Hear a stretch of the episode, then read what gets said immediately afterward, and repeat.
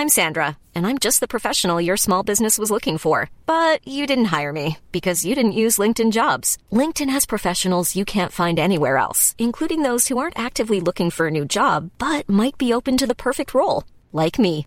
In a given month, over 70% of LinkedIn users don't visit other leading job sites. So if you're not looking on LinkedIn, you'll miss out on great candidates like Sandra. Start hiring professionals like a professional. Post your free job on linkedin.com/people today. Ready to pop the question? The jewelers at BlueNile.com have got sparkle down to a science with beautiful lab-grown diamonds worthy of your most brilliant moments. Their lab-grown diamonds are independently graded and guaranteed identical to natural diamonds, and they're ready to ship to your door. Go to BlueNile.com and use promo code LISTEN to get $50 off your purchase of $500 or more. That's code LISTEN at BlueNile.com for $50 off. BlueNile.com code LISTEN. Burrow is a furniture company known for timeless design and thoughtful construction and free shipping, and that extends to their outdoor collection. Their outdoor furniture is built to withstand the elements, featuring rust-proof stainless steel hardware, weather-ready teak, and quick-dry foam cushions. For Memorial Day, get 15% off your Burrow purchase at burrow.com slash ACAST and up to 25% off outdoor. That's up to 25% off outdoor furniture at burrow.com slash ACAST.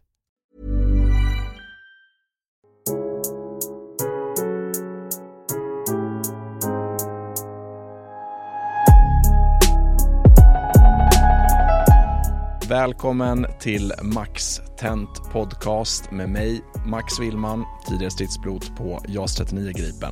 Och mig, Fredrik Granlund, journalist med eh, stort flygintresse. Nu kör vi!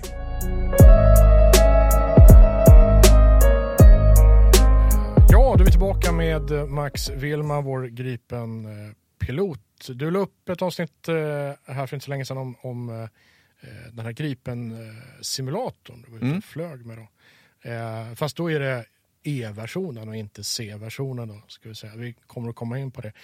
Vi börjar, eh, tänker jag, lite grundläggande. Var står den här simulatorn och vem kan få komma och flyga den? Ja, nej men den står ju i Linköping på eh, Flygvapenmuseum, eh, som ju är väl värt ett besök i sig. Eh, flera stycken till och med. Eh, både för de som inte är inbitna flygfans och de som är inbitna flygfans. Det finns något för alla.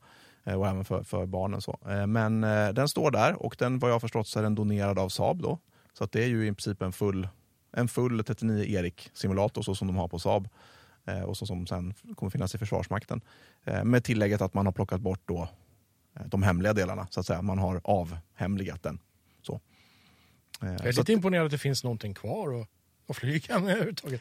Nej men alltså, det är ju så att om man tittar på, på flygsystem, robotsystem, så när det gäller hårdvara så eh, saker och ting, ja det, det, är, liksom, det är raketforskning absolut, men med matte och, och, och mått och, och så, så går det ju att räkna ut saker och ting, vad de har för liksom, möjlig eh, kinetisk prestanda. Eh, sen så är ju, ofta ligger ju liksom det, ja, det som är hemligt ligger ju i, i mjukvara och i i, i hur man tillämpar Tillämpningen, det. ja, precis. de två sakerna tillsammans är ju oftast det. Själva hårdvaran, jag menar, en robot är en robot och har en, eh, är den en viss storlek så kan den ta en viss mängd bränsle och då kan den med det här mm, motståndet som genereras komma en viss längd. Liksom. Så är det. Alltså, det, det är ju inte... Mm. Det är fysikaliska lagar. Ja, men det är, det är fysik och, och det, fysik kan ju alla nationer som håller på med det här. Så att, utan det är, liksom, det är eh, mjukvara och hur man tillämpar grejerna eh, så, som är hem, hemliga. Mm. Framför allt då. Så vem som helst kan åka dit och... Vem som helst, ja precis. Det är, man bokar det, det kostar inte så mycket heller utan man kan boka där och, och köra och då har man ju eh, nu hade jag ju förmånen att få vara där med, med en, en simulatorinstruktör som hjälper den också så att man får ju en guidning där också så det är inte så att man behöver kunna flyga när man kommer dit. Och det man kommer märka där om man testar det, det är ju att flygmässigt så är ju allting gjort i det här flygplanet 39 för att man ska, det ska vara så enkelt som möjligt att flyga flygplanet för att man ska kunna använda sin kapacitet på att ja, leverera död och förintelse till motståndaren. Hur mycket, så där rent generellt, hur mycket är det samma mellan C och E då? Är det, är det, är det mycket? För, för E-modellen är väl också rent fysiskt, den är lite större också? Precis, den är större. Från, om man tittar på bilder så ser de ju väldigt lika ut. Så. Mm. Eh, det, det som kanske först och främst eh, fångar ögat det är den här IRST, då, alltså Infrared Search and Track. Alltså en fast monterad IR-månsökare som sitter eh, precis framför eh, vindrutan på E-ekvationen, men som inte finns på CD eller A och B för den delen. Eh, men den är större. Eh, landstället har flyttats ut så man, den, är, den är större fysiskt. Man, fått, ja, man får plats med mer soppa, ny motor och sen så är ju allting är ju nytt. Det är ju bara att den ser lite lik ut. I princip allting är nytt. Jag tror ja, raketstolen är väl samma, men, men annars är det i princip allt nytt. Ja. Det är så pass? Alltså. Ja, men det, det är ett helt nytt flygplan även om det är likt. Eh, sen så är ju, det grundas ju på, på, på 39, eh, på C då. eh, Så. Eh, Så det var ju väldigt, väldigt likt eh, det som jag såg när jag flög eh, simulatorn när det gäller själv, liksom själva flygningen. Så, så att, nej, men eh, nej, det kommer nog bli mycket, mycket Ja, det kommer nog bli ett väldigt, väldigt kompetent flygplan, men, jag tror att omskolningen tror jag inte kommer vara jättekomplicerad när det gäller att lära, sig att flyga flygplanet för flygplanets piloter. Däremot så hur man använder vapensystem och sånt, det är ju sånt som inte av naturliga skäl är med så särskilt mycket i den här öppna simulatorn som man kan provflyga i Linköping. Utan där finns det säkert massor med saker som är helt nya. Men det är det, det har jag dålig koll på. Jag ska, försöka, jag ska faktiskt åka till Saab här i kort och filma lite och då, då ska jag försöka, eh, ja, försöka ta med mig de här frågorna. Får vi se hur mycket de, de kan berätta för mig som kan vara öppet. Så, så, att- så, att, eh, ja. Nej, men det är spännande. Det, så det, ja, men jag kände igen mig mycket. Eh, ja. Men har, fler, har den fler vapenbalkar också? Eller kan, Ja. den kan ta mer last vet jag. Men, Mm. Nej, men, eh, ja, alltså det mesta blir väl bättre. Det blir mer dragkraft, mer soppa, Eh, som ta med fler vapenbalkar, eh, bättre telekrig. Ja, eh, ytterligare att man har jobbat med presentationen som vi pratade om lite på, på, på, på de tidigare avsnitten. Just att det här HMI, alltså, som Saab och, och Sverige har varit väldigt duktiga på. Alltså hur man, hur man presenterar informationen på ett bra sätt för piloten så piloten har rätt information vid rätt tid i sitt uppdrag så att han kan fatta rätt beslut. För det är lätt att man blir overloaded, alltså överbelastad med för mycket information. Så det är där eh, mycket av konsten ligger. För det finns otroligt mycket information från olika sensorer i ett modernt stridsflygplan. Hur man presenterar det på ett sätt som gör att piloten kan fatta rätt beslut. Så. Eh, och, det har man jobbat på med ytterligare såklart. Så man har en sån här jättestor display med mycket mer eh, funktionalitet. Alltså man kan ställa in och ha det mer, man tänker, mer som en, om man tar ett dataspel då, att man, man ställer in sin, eh, sin station så som man vill ha den. Så det är lite sådana tan- tankar som kommer tillbaka. Så varje pilot kommer kunna ställa in mer hur han vill ha det eh, presenterat under varje givet tillfälle i sin flygning själv. Så det kommer vara mer individuellt. Eh, så att, ja, jag tror att det blir hur bra som helst. Min första tanke är att i, jag menar, i din, i din C-modell då hade du eh, tre MFDR som du kan ställa in. Här har du en. Om den går sönder då är det ju rök. Det finns ju Mm. inte en, vad jag kan se, en enda analog mätare någonstans. Hur ska du flyga hem då? då? Eh, och COD hade ju i princip inget analogt heller. Det var ju samma saker där som diskuterades. Liksom. Eh, men, eh, nej, men det där, där har, korta svaret, det där har ingenjörerna på Saab tänkt på och löst. Okej, ja, är det ja. korta svaret. Ja, ja, ja. Kvittens på den. Okej. ehm. Eh, ja, men det här med IRS, IRST-sensor, det, är väl- Mm. det är väl nytt alltså, i Sverige? Vi har väl inte använt eh, liksom, IR-sensorer på det sättet? Eh, tidigare? 35 hade faktiskt, Draken hade en. Men Jaha. alltså det här är ju, då kommer vi in lite på fysik här och det, det är det här som jag tycker är så, eh, jag är ju som sagt jag är ju luftkrigsnörd och det kanske inte alla är. Men, men om man tänker liksom utvecklingen då, så från början då var ju då det vi kallar, eh, ja, alla, försvar, eller radarsystem i Försvarsmakten kallas ju PS. Eh, så. Och då pratar vi om PS00, alltså ögonen. Eh, Det var ju det man hade. Det var den sensor man hade då. Eh, Och har fortfarande och är fortfarande liksom beroende av. Men det var ju så att förr i tiden om du hade riktigt bra ögon så hade du ju en det var som att du hade en bättre radar idag. Liksom. Eh, Så, så det var ju en stor grej. Men nu har man ju gått så radar kommer ju fortfarande vara luftkrigets viktigaste sensor tror jag. Men nu går man ju mer emot det här att man vill kunna uppträda tyst, man vill kunna uppträda passivt, prata om smygegenskaper om F35 till exempel. Men så fort du drar igång en radar, då skickar du ut aktiva signaler som någon kan hitta och veta var du är. Och det är det som är spännande med då IRST, då, Infrared Search and Track, att det är ju en passiv sensor. Eh, den kan ju söka, den skannar ju av och hittar annan strålning. Eh, så det är egentligen en, ja, en mottagare utav värmestrålning kan man väl säga då, lite förenklat. Nu får alla fysiker eh, skratta åt mig i kommentarerna, men, men jag försöker förklara på, på ett pilotförståeligt sätt. Då. Eh, så att man kommer ju kunna uppträda utan att skicka ut egen, eh, alltså mer passivt då med en sån här sensor. Och vad jag har förstått så Eh, Så de moderna, alltså det händer jättemycket med, med IR-sensorer, alltså på robotar och IR-ST-sensorer på, på flygplanet. Den här kommer ju kunna hitta mål på, på stora avstånd helt passivt och presentera de målen eh, på, eh, på skärmarna. Vilket gör att man kan ja, skjuta på dem utan att de vet om att de blir påskjutna. Och det är ju eh, precis som det var under andra världskriget och första världskriget, man pratar om att någon anfaller ur solen bakifrån. Man, man blir nedskjuten av den som du inte har sett. Det, är, det är ju samma sak i luftkriget idag. Eh, och jag menar, om vi tar paralleller till kriget i Ukraina, där Ukraina har eh, väldigt gamla sovjetiska flygplanssystem. Ja, för, för, Men jag måste få skjuta in det. Mm. Jag tänker Sukhoi, Mm. Su-27, Su-27 och, och jag vet inte, nyare också har väl IRST-sensorer fastmonterade på sina Mm. Absolut. Eh, men då är det ju, som sagt, nu, nu får ju 39 Erik får ju en helt, helt ny. Det är precis som ja, en IR-robot. finns ju IR-robotar från 70-talet Mm. och det är klart att den målsökaren inte kommer vara lika bra som, Ja, en, som Ja, en modern. Mm. Eh, Så det är ju upptäcktsavståndet som, som kommer att öka på, på nya, eh, nyare sensorer. Och även, man, det är ju samma sak här, det är katt och råtta-lek hela tiden. Motmedel, eh, eller medel, motmedel, sensorer, motmedel mot sensorer och så vidare. Och det är ju samma sak här då om man tänker nya robot, man har facklor då som man kastar ut, alltså brinnande, eh, brinnande eh, motmedel som man vill att de här IA-robotarna ska åka på istället för att åka på din motor. Eh, och då, ja, det är samma sak där, att en IRST då som, som, är, då kommer, eh, som är modern kommer ju antagligen kunna då, eh, skilja från ett flygplan och något som inte är ett riktigt flygplan. Så den kommer vara bättre på att sortera bort felaktiga, som man ja, inte- ja. felaktiga ekon. Är IRST svaret på signaturreducerande åtgärder då, på sikt? Nu gör ju eh, min förståelse av liksom F22 och F35 är att de har gjort åtgärder för att ha mindre signatur även när det gäller värmestrålning. Mm. Ehm, sen så är det så att när du har en eller då två, som i F22s eh, fall, motorer eh, Eh, med eh, hundratusentals hästar dragkraft så kommer de att alstra värme och all den där värmen kommer du inte kunna leda bort utan det kommer finnas saker att hitta.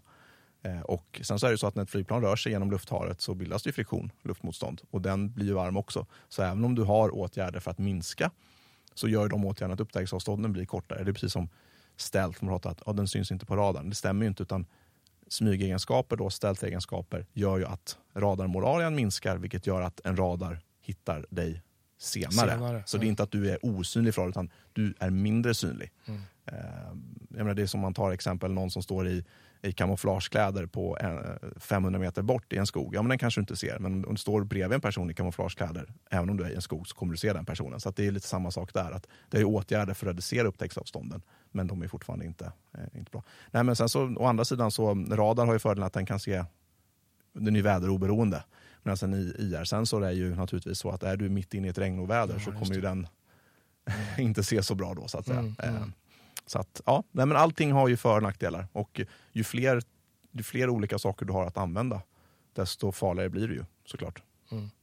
Nej, för jag, tänk, jag tänker ändå, vi var ju inne på det i tidigare avsnitt, att, att Gripen är ju eh, ja, men inte ett smyg. Det är ju mm, inte ett, ett stealth-flygplan.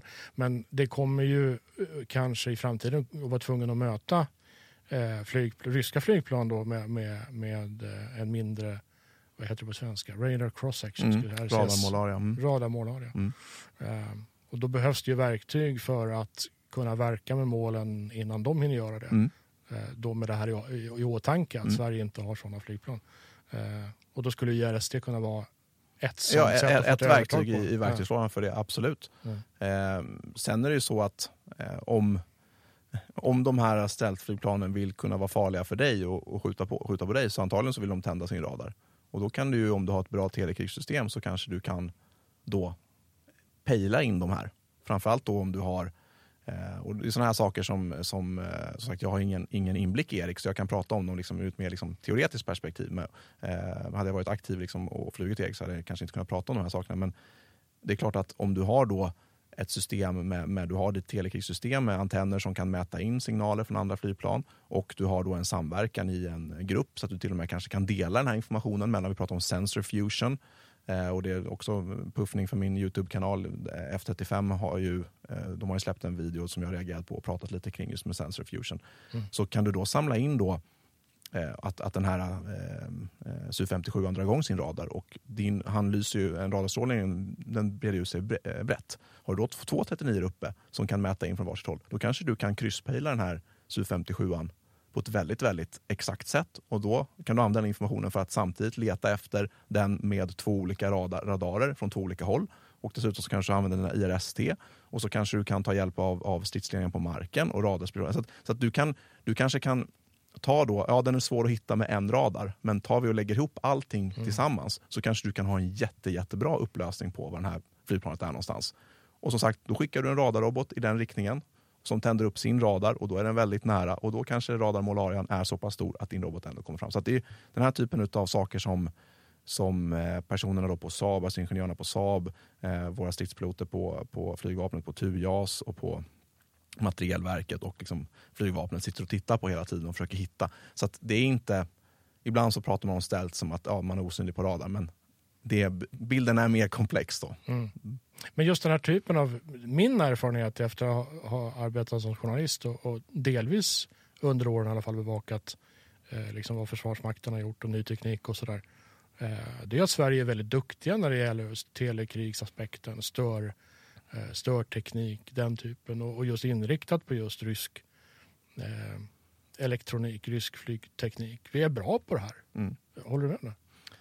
Eh, som sagt, det här är ju det här är ett område som är, snabbt blir väldigt, väldigt liksom, att man, man tangerar sekretess. Så jag, jag, kan väl bara säga så här att, att det är klart att, att det här är ett område som, som Sverige vill vara bra på. Så kan jag väl säga. Mm. Så, eh, ja. Så kan det bli ibland. Så kan det bli ibland. Man får anpassa sig. Så är det. Eh, ett tekniskt om vi ska, om vi ska eh, titta på det lite grann. Ett tekniskt område som har inneburit en, en, en teknisk elektronisk revolution för flygplan eh, alltså de senaste 5-10 åren bara. Det är ju den, den här nya radartekniken. AESA tänker jag på. Mm. Med, med en, en, jag vet inte hur man ska förklara den heller på svenska. En hybridradar eller en eh, det är en syntetisk radar men du har egentligen då ett, du får rätta mig om jag, om jag säger fel då, men du har ett stort antal små egentligen Eh, individuellt styrbara radarantenner. Mm. Eh, så du kan, du kan spåra mål samtidigt som du spanar av lufthavet framför dig på ett, på ett helt nytt sätt. Inte sant? Eh, och nu håller man ju på i USA och uppgraderar sina, sin flygplansflotta. Och, och eh, Gripen E ska väl få just en AESA-radar, eller ha en AESA-radar. Eh, så jag tror dessutom man kan rotera så att du kan, du kan du följa ett mål samtidigt som du pekar nosen åt ett annat håll. Och sådär. Eh, hur, hur, vi som är tekniknördar och vi som håller på med DCS och sådär, hur, hur, stor, eh, hur stor eh, skillnad är det på ett flygplan med ESA och ett med en vanlig traditionell rörlig radardom? Mm. Nej, men det är som du säger, det är ju en ihopkoppling av flera olika små radarelement. Och ja, nej, men det är lite som vi varit inne på, på tidigare, så utvecklingen av tekniken går snabbt framåt och just med smygegenskaper så driver det på att man då vill man ha ännu bättre radarer så att säga. Så att, nej, men det, det, är en jätte, det är en jättestor skillnad och det som är kanske den största skillnaden just med AESA-radarer eh, det är ju att du kan också på ett helt annat sätt jobba med mjukvaran och styra radarn och leta eh, på olika sätt eh, efter både eh, markmål och, och luftmål Eh, Eh, och bildar en bättre, ja, en bättre omvärldsuppfattning. Så att det, är, ehm, eh, det är absolut ett, ett tekniksprång. Sen så är det ju precis så som det gäller alltså en radar och en radar. Det kan ju vara två olika saker helt enkelt eh, som skiljer sig väldigt mycket. Och bara för att det är en AESA-radar så säger det inte så mycket mer än att den är antagligen ganska så ny. Men det är klart det är skillnad på en AESA-radar och på en annan AESA-radar. Men, men fysiken gäller ju, du vill ju ha en så stor radar som möjligt. Eh, och den begränsas ju fysiskt av, eh, eftersom radarn sitter oftast i nosen på ett flygplan, så begränsas den ju av eh, storleken på din nos så att säga och den, den bakomliggande processorkraften. Men precis som vi har varit inne på innan här, vad som är hemligt och ohemligt, alltså när det gäller radar så är det ju inte bara den fysiska hårdvaran utan det är kanske minst lika mycket mjukvaran som du jobbar med. Eh, så.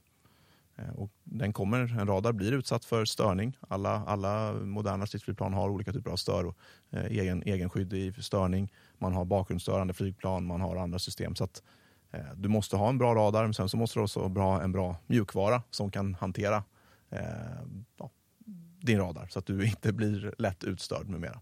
Mm. Vi var inne lite på flygplan som F22, F35. Jag vet inte hur mycket F22 vi kommer att se i Norden sådär. Men F35 har ju våra grannar, eller kommer att få i alla fall. Mm. Eh, kan Gripen E så vitt du vet samverka med dem på samma villkor som ett annat F35? Eh, nej, jag tror inte att, att, eh, att USA har... Eh, så här, en F35 är fortfarande väldigt, väldigt ny. Mm. Och vad jag har förstått så är det fortfarande en hel del eh, extra sekretessåtgärder som gäller kring när F35 är med och övar luftstrid. Eh, så jag tror att det är svårt just nu. Men om vi kommer med i Nato och ju äldre F35 blir ju fler nationer sprids till det. Så, alltså det finns ju ingen, mig veterligen, teknisk begränsning om viljan finns att göra att skapa eh, så att man skulle kunna ha en, en fyrgrupp med två F35 och två 39 Erik. Eh, att de skulle kunna prata med varandra, att man skulle kunna bygga mjukvara med den hårdvara som finns och bygga ihop de här så att de hade kunnat ha en sensor tillsammans. Det tror jag inte finns några tekniska, eller tekniska hinder för. Men jag tror kanske inte viljan kommer finnas där från... Eh, från, från Nej, men så där har det varit med F22 när den har övat med andra NATO-länder Mm. så är det ju saker de piloterna inte får göra. Det får Mm. de bara göra hemma på Nellis. Liksom. Ja. Och de och sig har ju inte. inte, ja, alltid. nej, precis. Och det har ju inte blivit lättare. Så det, det kanske inte...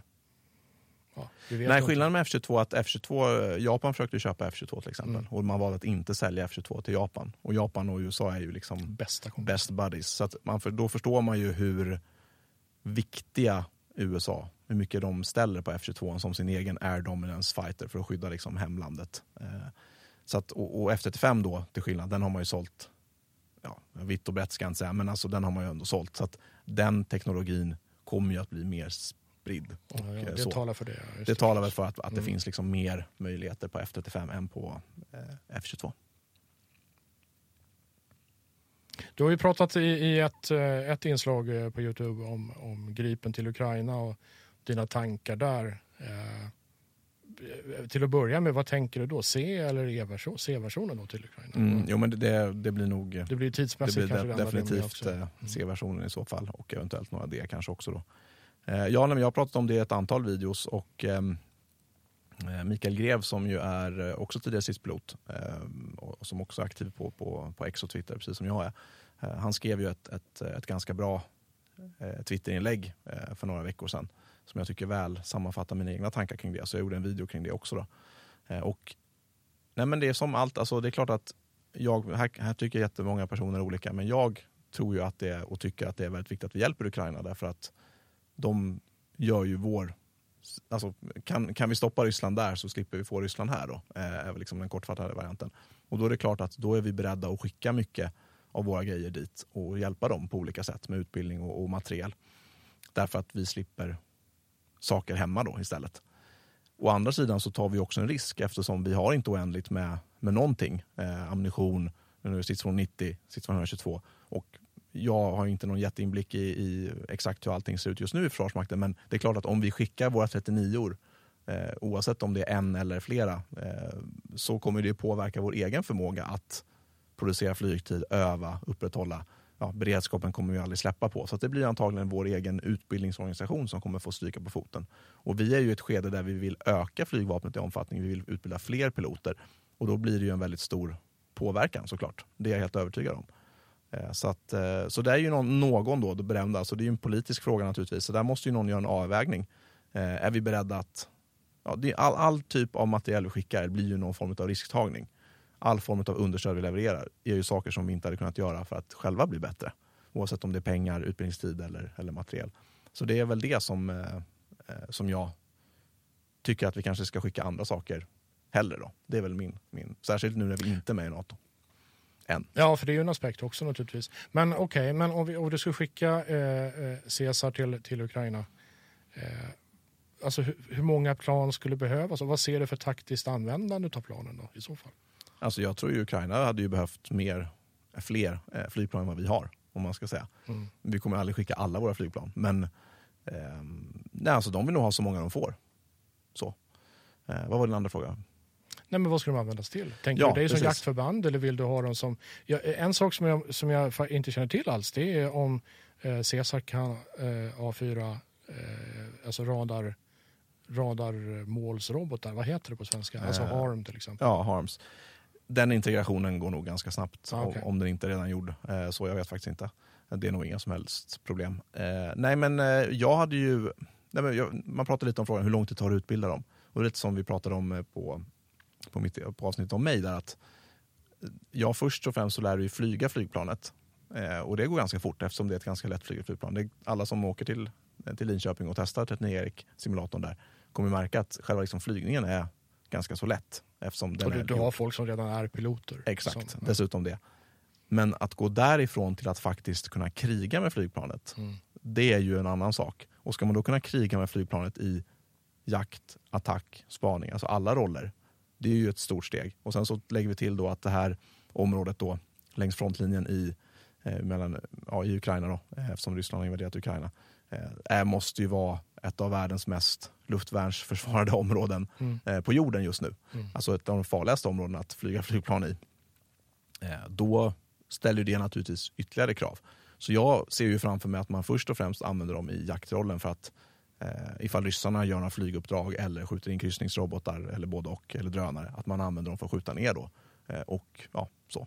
Eh, sen kan man naturligtvis använda dem för att skjuta, det går att integrera Storm Shadow på 39 också såklart, eh, om man vill göra det. Eh, och, och så vidare. Så jag, jag, jaktrollen skulle jag tippa på blir första steget i alla fall.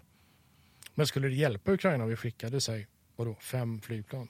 Mm. Ja, jag pratat lite, jag pratat, ja, fem flygplan tror jag nog är lite, eh, kanske lite lite. Mm. Eh, så.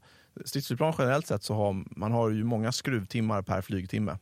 Och eftersom flygplan i en krigszon tenderar att flygas ganska mycket så ja, man vill hellre ha ett antal flygplan extra så att man kan hålla eh, ett visst antal som man flyger med och ett visst antal som man gör underhåll på hela tiden som, som man skiftar där.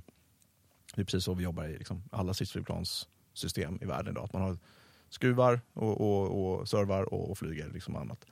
Ehm, så att, ja. För det är klart att, att operera flera system, de kommer antagligen få F16 här nu ganska så snart. Om man då har, lägger på 39 så kräver ju det ytterligare reservdelar och, och, och teknisk utbildning och sånt. Och, så att det är klart att de, de vill nog ha en viss mängd flygplan för att det ska vara, vara värt det. det ja. Sen så, ja, det är klart att om de får ett antal så kommer de ju ta emot dem så som det ser ut. Men, men ehm, ja, Nej, de, de behöver nog ganska många. Alltså, så många de får. Om vi backar tillbaka till den här Gripen-simulatorn. Du var ju flög den. Det är alltså en, en Gripen E Mm. eh, som man kan komma och testa avhemligad förstås.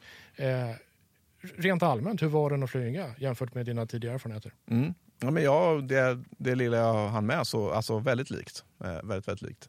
Och eh, takterna satt väl in. Man har ju valt att behålla samma styrspak, samma eh, gasspak. gasbak.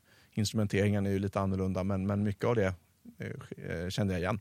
Sen var det vissa presentationsdelar som jag inte kände igen, men som jag ja, kunde förstå ändå. Ja, det här fattar jag vad de, vad de menar.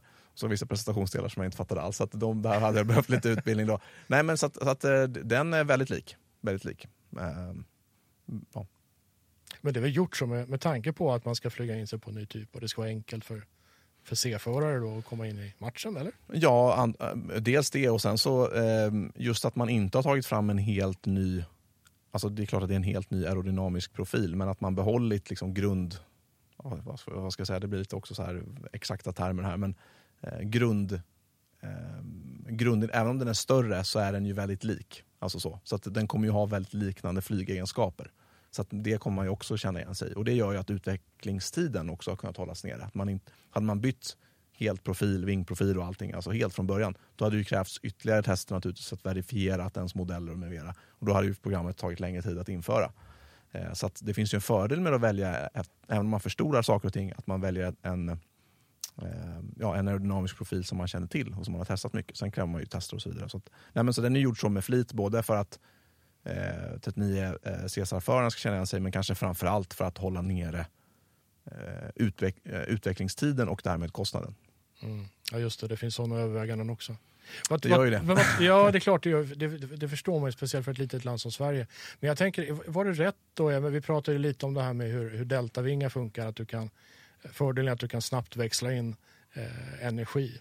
Eh, liksom, och, och, du, får, du får en effektivare kurvstrid de första två eh, vändorna. Liksom. Sen, så Mm. börjar, sen så börjar farten ta slut. Liksom. Man hade kunnat välja en annan vingform förstås som, som eh, jag vet inte jag, som F18 kanske eller något sånt där. Ja. Är det rätt strategi av Sverige att, att välja den här? Liksom verkligen bestämma sig för att nej, vi ska ha deltavingade flygplan. Ja, alltså det är vi ju inte ensamma om. Om man tittar på Eurofighter, alltså Typhoon, Ja, så är den ju väldigt ja, lik det, Miragen eller, eller Rafalen för den delen. Alltså Deltavinge är ju... Ja, det är många som kommer fram till liknande aerodynamisk eh, profil. Så det, det, tror jag, det tror jag säkert är, är, är bra. Och sen så, som sagt, vi hade ju erfarenhet, eller Saab eh, har erfarenheten från 39 Cesar och David och Adam Bertil innan dess.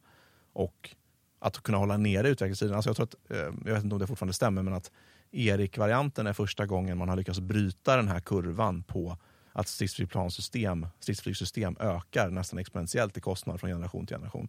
Och här har man alltså lyckats bryta det. Eh, så att den, jag tror att en 39 Erik till och med är ja, ungefär samma pris som en 39 CD om man liksom inflationsjusterar det. Eller lägre till och med. Så det är ju någonting unikt. Och det är ju bara för att man har gjort den här typen av överväganden. Som att inte testa en helt ny spännande aerodynamisk profil som man inte har någon erfarenhet på. För det är en risktagning och det kostar pengar. Eh, och det tror jag är klokt som, som liten nation. Och istället använda eh, att ta fram så avancerade telekrigssystem som man kan och, och, och jobba mycket med HMI och så. Jag ska ställa en riktigt dum fråga. För nu, mm. har jag, nu har jag läst, jag är inte alls någon expert på Gripen, men jag har, jag har förstås eh, eh, googlat och läst på Wikipedia. Eh, det har byggts totalt 204 flygplan av C och D-typerna då, eh, i Sverige. Av dem så har 32 flygplan redan skrotats eller använts som reservdelsplan. Eh, fyra har havererat. Då. Eh, 24 flygplan står långtidsförvarade i hangarer någonstans. Eh, varför, varför det? och varför, varför kan man inte, då är, då är den dumma frågan, varför kan man inte skicka dem till Ukraina? Mm. Jag, jag, tror att de, du sa 204 flygplan, jag tror att det är A, B, C och D. Okay. Eh, så du har ju alltså ett antal olika delserier. Så att du har ju flygplan som har byggts som C respektive D direkt. Och sen så har du flygplan som har modifierats från A eller B-standard upp till C eller D-standard. Mm. Eh, olika delserier. Eh, och, så att jag tror aldrig vi har haft 200, samtliga A och B-modeller har inte modifierats upp till A eh, eller till C och D-nivå. Eh, och ehm, jag har inte exakt koll på de här övervägandena men eftersom man har valt att, att nytillverka C och D när man har då de här förrådsställda tyder det på att man, ja, att man ser överväganden där det är billigare eller mer effektivt att bygga helt nya C och D än att modifiera de här hangarställda som jag antar är A och B-varianter. Men har de en plats i krigsorganisationen på något eh, sätt? Det tror jag inte att de har. Eh, och du tror inte du har några piloter som är inflygna på dem heller. Det skulle naturligtvis säkert gå ganska snabbt. Men det man måste ta med sig också att när det gäller stridsflygsystem är att det räcker inte med att ha flygplanet utan du måste ha reservdelar. Och reservdelarna på TA och B börjar bli ganska gamla. Jag tror att de flög för första gången början på, eller slutet på 80-talet. Va? Mm. Ehm, så det är gamla grejer. Alltså hitta, jag tror inte Saab är villiga att starta upp en produktionslina för att bygga upp någon gammal monitor. Så. Nej, men det, det, blir, det tar väldigt mycket resurser så, att, att hålla igång gamla grejer. Eh, och sen så har du ju utbildning, du har eh, nödsystem, du har eh, simulatorer som ju är COD-simulatorer idag. Alltså, eh, One does not simply, eh, som det heter ibland. Eh, walk into Mordor. Det, nej, men det, det, det, finns, det finns liksom följdeffekter som får ganska stora amplituder längre ner i linan om man börjar göra såna här grejer. Så jag tror inte att vi har 24 stycken COD eh, hangarställ utan jag tror att det är A och B-varianter. Mm. Ja, nu är inte du talesman för flygvapnet, så det ska inte Nej, det ska, ut dig. Det ska, jag inte, det ska jag inte utge mig för nej, att vara. Nej, precis. Nej. Men, men man undrar ju varför de står förrådsställda om mm. de... Eh, ja. Sen så har vi ju eh, Tjeckien har ju köpt F35 nu eh, och ska få sina F35 år här, men det dröjer väl några år. Men där blir ju ett antal då frigjorda, skulle man kunna tänka sig. Mm. Eh, jag vet att, jag tror, eller vet att, jag, jag har för mig i alla fall att Sydafrika inte flyger med alla sina.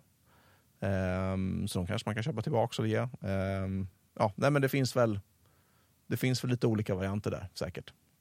Vad tror du då? Tittar man på de här alternativen? Jag tror, ja, det gör man absolut. Mm. Uh, jag tror uh, Flygvapnet fick väl uppdraget, eller Försvarsmakten fick uppdraget av regeringen att, att utreda det här och komma med sina synpunkter. Sen är det ett politiskt beslut och jag tror att vi kommer skicka 39 till Ukraina så tillvida att om vi går med i NATO det, jag tror inte, det är ett villkor. Jag, ja, jag tror inte att man kommer skicka innan vi har gått med i NATO. Det tror jag inte. Tycker du att det är en klok eh, gränssättning? Eh, jag hade nog inte skickat 39 till NATO, alls. eller så till ja. Ukraina alls eh, faktiskt. Eh, särskilt inte eftersom de får, verkar få så mycket F16 nu. Eh, så. Men, eh, Men vad tror du Ukraina är, det här är ju intressant, vad tror du Ukraina är mest bekänt av? Om, om du fick välja ut, utan de politiska dimensionerna, mm. om du fick välja ut ett flygplan som du trodde de hade mest nytta av, Eh, hade det varit F16 eller hade det varit Gripen? Mm. Nej, men jag tror absolut 39. Alltså så. så, är så? eh, Mm. Ja, men alltså 39 är ju ett mer fältmässigt flygplan än F16 är. Mm. Eh, sen så har ju eh, ryssarna har ju, eh, och ukrainska flygbaser är ju gamla ryska flygbaser eller sovjetiska flygbaser. De är ju byggda med långa eh, banor och, och, och så vidare. Men, eh, och det passar ju säkert F16 eh, bra. Eh, så. Men, eh, nej men absolut, 39 är ju ett, ett väldigt fältmässigt flyg, eh, flygplan. Och som har sagt, man kan åka och taxa in i, lätt att taxa med, man kan taxa undan det in på landsvägar och, och, och så vidare. När, du, när du flög simulatorn, var det någonting du tänkte att det här är helt annorlunda än eh, Gripen C? Rent sådär flygmässigt snarast. Eh, nej, alltså jag, jag var ju inte någon jättebra flygtrim så det, det var väl inte mitt bästa flygpass. så, eh, och det ser man väl när Ja, du sköt en IA-robot jättenära. Ja, precis. ja. Och jag sköt Akan och så. Men jag träffade i alla fall. Så att, Mm, eh, mm. Ehm, det var ju för övrigt 37 som var mål. Ja, jag Eh, såg så det. att det var politiskt, politiskt korrekt. tra- otroligt tragiskt skulle Ja. jag säga. Men okej. Eh, nej, men nej, ingenting som jag kommer på så. Eh, det var lite nya grejer i den och, och menar, den här stora displayen är, var ju fantastiskt fin. Eh, så. Sen så som sagt, ju mer man jobbar med ett system desto bättre blir man på det. Så att, eh, liksom, efter ett par pass hade man säkert kunnat bli ganska duktig på att ha eh, saker och ting som man vill ha presenterat på, på den. Nej, men jag, jag tror att det blir ett, ett jättelyft för Sverige att få 39 Erik. Eh, absolut. Ganska likt tror jag F35 layout i cockpit med den med stor skärm och med Mm. kustomiserbar, anpassningsbara Ja men precis. eh, precis. presentationer. Liksom. Det, det man verkligen vill med, med moderna eh, stridsflygplanssystem är att de ska vara lätta att uppdatera. Alltså det ska vara lite det här patch, alltså man ska kunna Mm. patcha. Mm. Precis som man patchar en programvara. Eh, Nu är väl de flesta programvaror online då, men, men eh, att det ska vara snabbare, sådana cykler är någonting man har jobbat med och det vet jag att man jobbar med på F35 också. Så att i takt med att tekniken utvecklas så är det enkelt att uppdatera eh, mjukvaran i, i, i flygplanet. Eh, så att det ska kunna vara modernare. Det, man, eh, eller det man känner till om, om, om er piloter i allmänhet är att, man, att ni vill ha en bra eh, om, vad heter det, lägesuppfattning. Mm. Sit- Situational awareness pratar Mm. man mycket om. SA, Eh, precis. Ja, precis. Och med, med, med bara analoga instrument så har du ingen sån alls. Du är helt beroende av marken och kamraterna. Mm. Och, och, eh, tredje generationens, ja men då har du kanske MFD, men du har fortfarande inte den här totala... När man ser dig flyga E-simulatorn så du måste ha en otroligt god bild av vad som händer omkring dig. Mm. Inte bara ditt uppdrag och ditt flygplan, utan allt, all, Mm. alla Eh, markeringar finns ju där. Du måste ju ha en jättebra koll. Alltså. Mm. Jo, det är ju precis det vi pratar om liksom, som, som eh, Saab är duktiga på, som vi är duktiga på i Sverige. Att just med HMI, alltså att man, man tar informationen som alla, man får fler sensorer på flygplanet så man kan få mer information och sen så omvandlar man den till information som är användbar för piloten som ger piloten en bra SA, då, situational awareness. Och så kopplar man det till riktigt, riktigt bra träning av piloter så att man har övat mycket och är i bra trim. Så ja, men då har man bättre omvärldsuppfattning och då, det är då man vinner kriget helt enkelt. Men du som har eh, flugit med C då, eh, tror du att du skulle bli en bättre pilot med det här nya presentationssystemet i E? Mm. Ja, men jag är helt övertygad om att, att det, det, det hade varit ett jättelyft. Eller det kommer att bli ett jättelyft. Game Ja. changer. Ja, det där ordet är ju, eller de där två orden är ju kanske lite överutnyttjade. Men absolut, det, det kommer bli, bli mycket bättre. Och, och även om det inte blir en game changer så bara det att alltså, motståndaren försöker utveckla sig själv hela tiden. Jag menar, alltså, Su-35 är ju ett jätte, jättepotent krig, eh, krigsflygplan. Eh, Su-57 på väg in, även om det verkar dröja lite. Så att för att vara relevant i en framtida kontext, det här flygplanet kommer ju, 39 kommer ju flyga under många, många år framöver, så behöver man ju, alltså man behöver nya grejer. Så är det bara. Mm. Vi skulle säga, vi har ju pratat om DCS lite grann förut, den här simulatorn som man kan flyga med hemma. Eh, Det finns en, en, eh, en gripen eh, mod till den som man kan, den är gratis dessutom. Mm. Ett gäng svenskar, Breadmaker och Current Hill är två som jag känner till som har varit med och utvecklat. Ja, spännande. Så en av dem är med och bygger en Draken-mod också om jag är rätt underrättad som kanske Ja. kommer så småningom. Det ska bli roligt Det kan att jag flyga. Draken. Ja. Vi som gillar gamla analoga svårflugna flygplan. Exakt. Eh, vi måste jag tänkte vi ska, vi ska måste tilltala DCS-communityt där ute lite grann också om det känns okej okay för dig. Absolut. Eh, en fråga som ofta dyker upp i, i de här DCS eller simulatorsammanhang kan man säga. Det är ju hur man, hur man simulerar BVR-strider. Mm. Alltså Beyond Visual Range eh, robotstrider helt enkelt innan du ser målet optiskt. Då. Eh, och eh, Meteor, roboten finns ju med i den här Gripen-modden vet jag, så den kan man skjuta med. Eh, eh Amram annars då, upp till Amram C5 är modellerat i, mm. i DCS och finns med som man kan skjuta med. Eh, jag vet också, det finns, i DCS så finns det väldigt många eh, före detta stridspiloter från alla möjliga länder. Mm. Eh, amerikaner, fransmän eh, och, och, och svenskar. Vi har ju i, i Nosig flera gamla eh, Lansen och Viggen-piloter som är med och, och kör. Liksom. Eh, men när det gäller BVR då finns det ett motstånd. Det här är någonting som, som för detta yrkesverksamma då, stridspiloter inte gärna håller på med. Eh, det blir lätt hemligt av något skäl som aldrig riktigt har förklarats. Vad beror det på? Varför vill inte ni vara med och och, och, och BVR-strida med oss vanliga dödliga. Mm.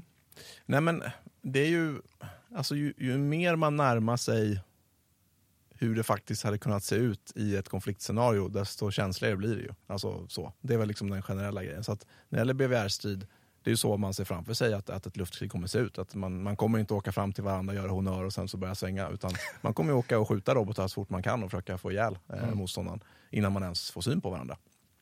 Och eh, därför vill man väl, ja, det blir, det blir lätt att man, man hamnar liksom på sekretess. Och, och sekretess är ju så att det är inte bara en enskild grej utan det är också när man lägger ihop massa saker som det kan bli eh, sekretess. Så det är ju någonting jag får tänka på hela tiden när jag, när jag eh, har, har min Youtube-kanal och när jag pratar och så. så att, eh, nej men det, det, finns ett motstånd och, och det är nog eh, eh, i grunden ganska så klokt tror jag. Så. Sen så kan man ju alltså alltid vända på det. Jag menar, eh, eh, ryssarna sitter ju och tittar när vi har våra flygövningar såklart och ser hur vi gör. Eh, det är självklart så. Det gör man ju, vi tittar ju på dem och de tittar på oss och alla tittar på alla. Liksom så eh, så, så där, där är det klart att, att de, de har säkert en bild där. Sen så har vi, vi har ju också då eh, simulatoranläggningar i flygvapnet som, eh, där man kan öva utan att någon tittar. Så att, eh, ja, nej men det är väl lite en katt och råtta-lek. Liksom. För vet man precis hur en motståndare kommer agera vid ett eh, eventuellt krig så kan man ju anpassa sig och göra så att de får det svårt. Eh, så det, är väl, det är väl där någonstans man hamnar när det gäller just BVR-strid, alltså strid på stora avstånd. Mm.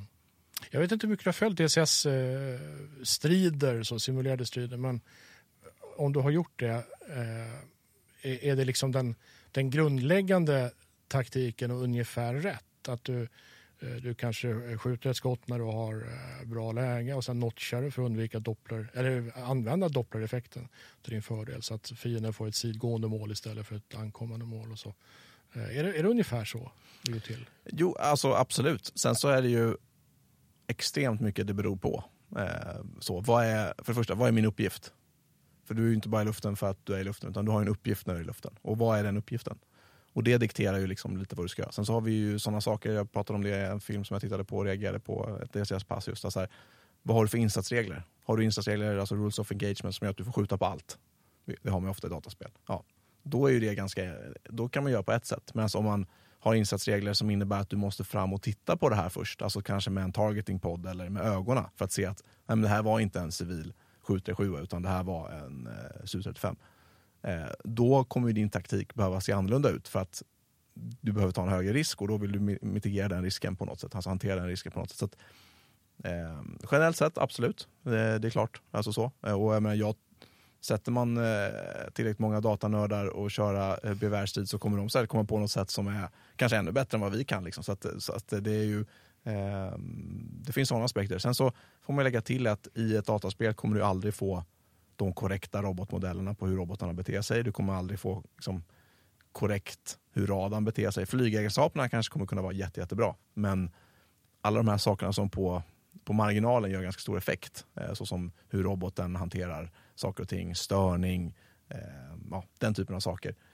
Den kommer du inte riktigt få med. Du kommer inte få med rädslan för att dö till exempel på samma sätt heller. Så det, eh, ja, är ett långt svar. Det, det, man, man tenderar att närma sig skarpa saker så därför så försöker man hålla sig ifrån det. Eh, så. Men man kan prata i generella termer. Eh, så. Och det är mm, särskilt jag som liksom har varit utanför liksom, eh, flygtjänst nu i snart tre år. Eh, då, då kan vi prata i generella termer i alla fall. Vem borde åka och testa den här Gripen E-simulatorn tycker du? Ja, alltså eh, alla höll jag på att säga. Nej, men eh, alla som är intresserade. Jag, jag är förvånad att det inte är mer, eh, fler som, som åker och flyger den. För det är ju fantastiskt roligt också. och, och jag har jag tror inte det går att göra så på motsvarande andra system. Så, att, så det är väl väldigt snällt av, av Saab och, och Flygvapenmuseum att erbjuda människor den här möjligheten. Och bara det att åka dit och vara på Flygvapenmuseum är ju väl värt. Eh, så, om man är intresserad. Eh, både själv som om man är flygnörd men även eh, ens respektive eller, eller barn och, och, så. Det är ju det är en del av vår, vårt, vårt eh, militärhistoriska arv och det är ju någonting jag försöker lyfta fram på, på min Youtube-kanal mycket just. För det är någonting jag själv är intresserad av och liksom, vi har ju en fantastisk rik historia i Sverige som det är. Men om man liksom tittar på då liksom den tekniska delen med flygning och sånt, där är vi ju, det är någonting alldeles extra. Så, så jag försöker göra lite besök ute i, i verkligheten så, och, och ja, lyfta fram det. För det finns, det finns så otroligt mycket häftigt eh, där ute. Mm.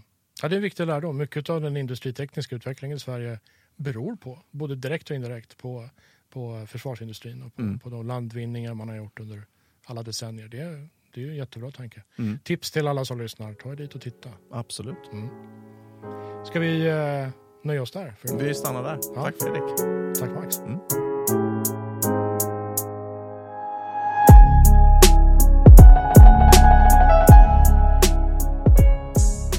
Lyssnar på podden Max Tent med mig Fredrik Granlund. Och mig Max Willman. Till nästa gång, fly safe.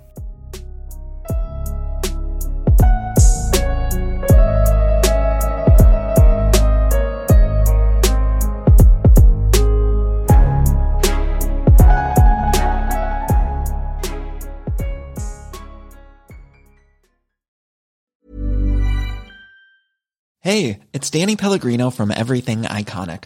Ready to upgrade your style game without blowing your budget? Check out Quince. They've got all the good stuff, shirts and polos, activewear and fine leather goods, all at 50 to 80% less than other high-end brands.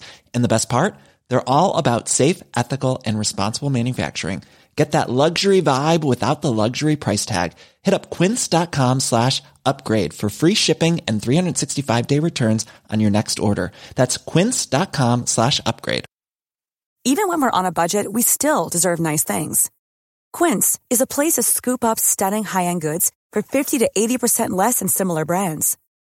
They have buttery soft cashmere sweaters starting at $50, luxurious Italian leather bags, and so much more.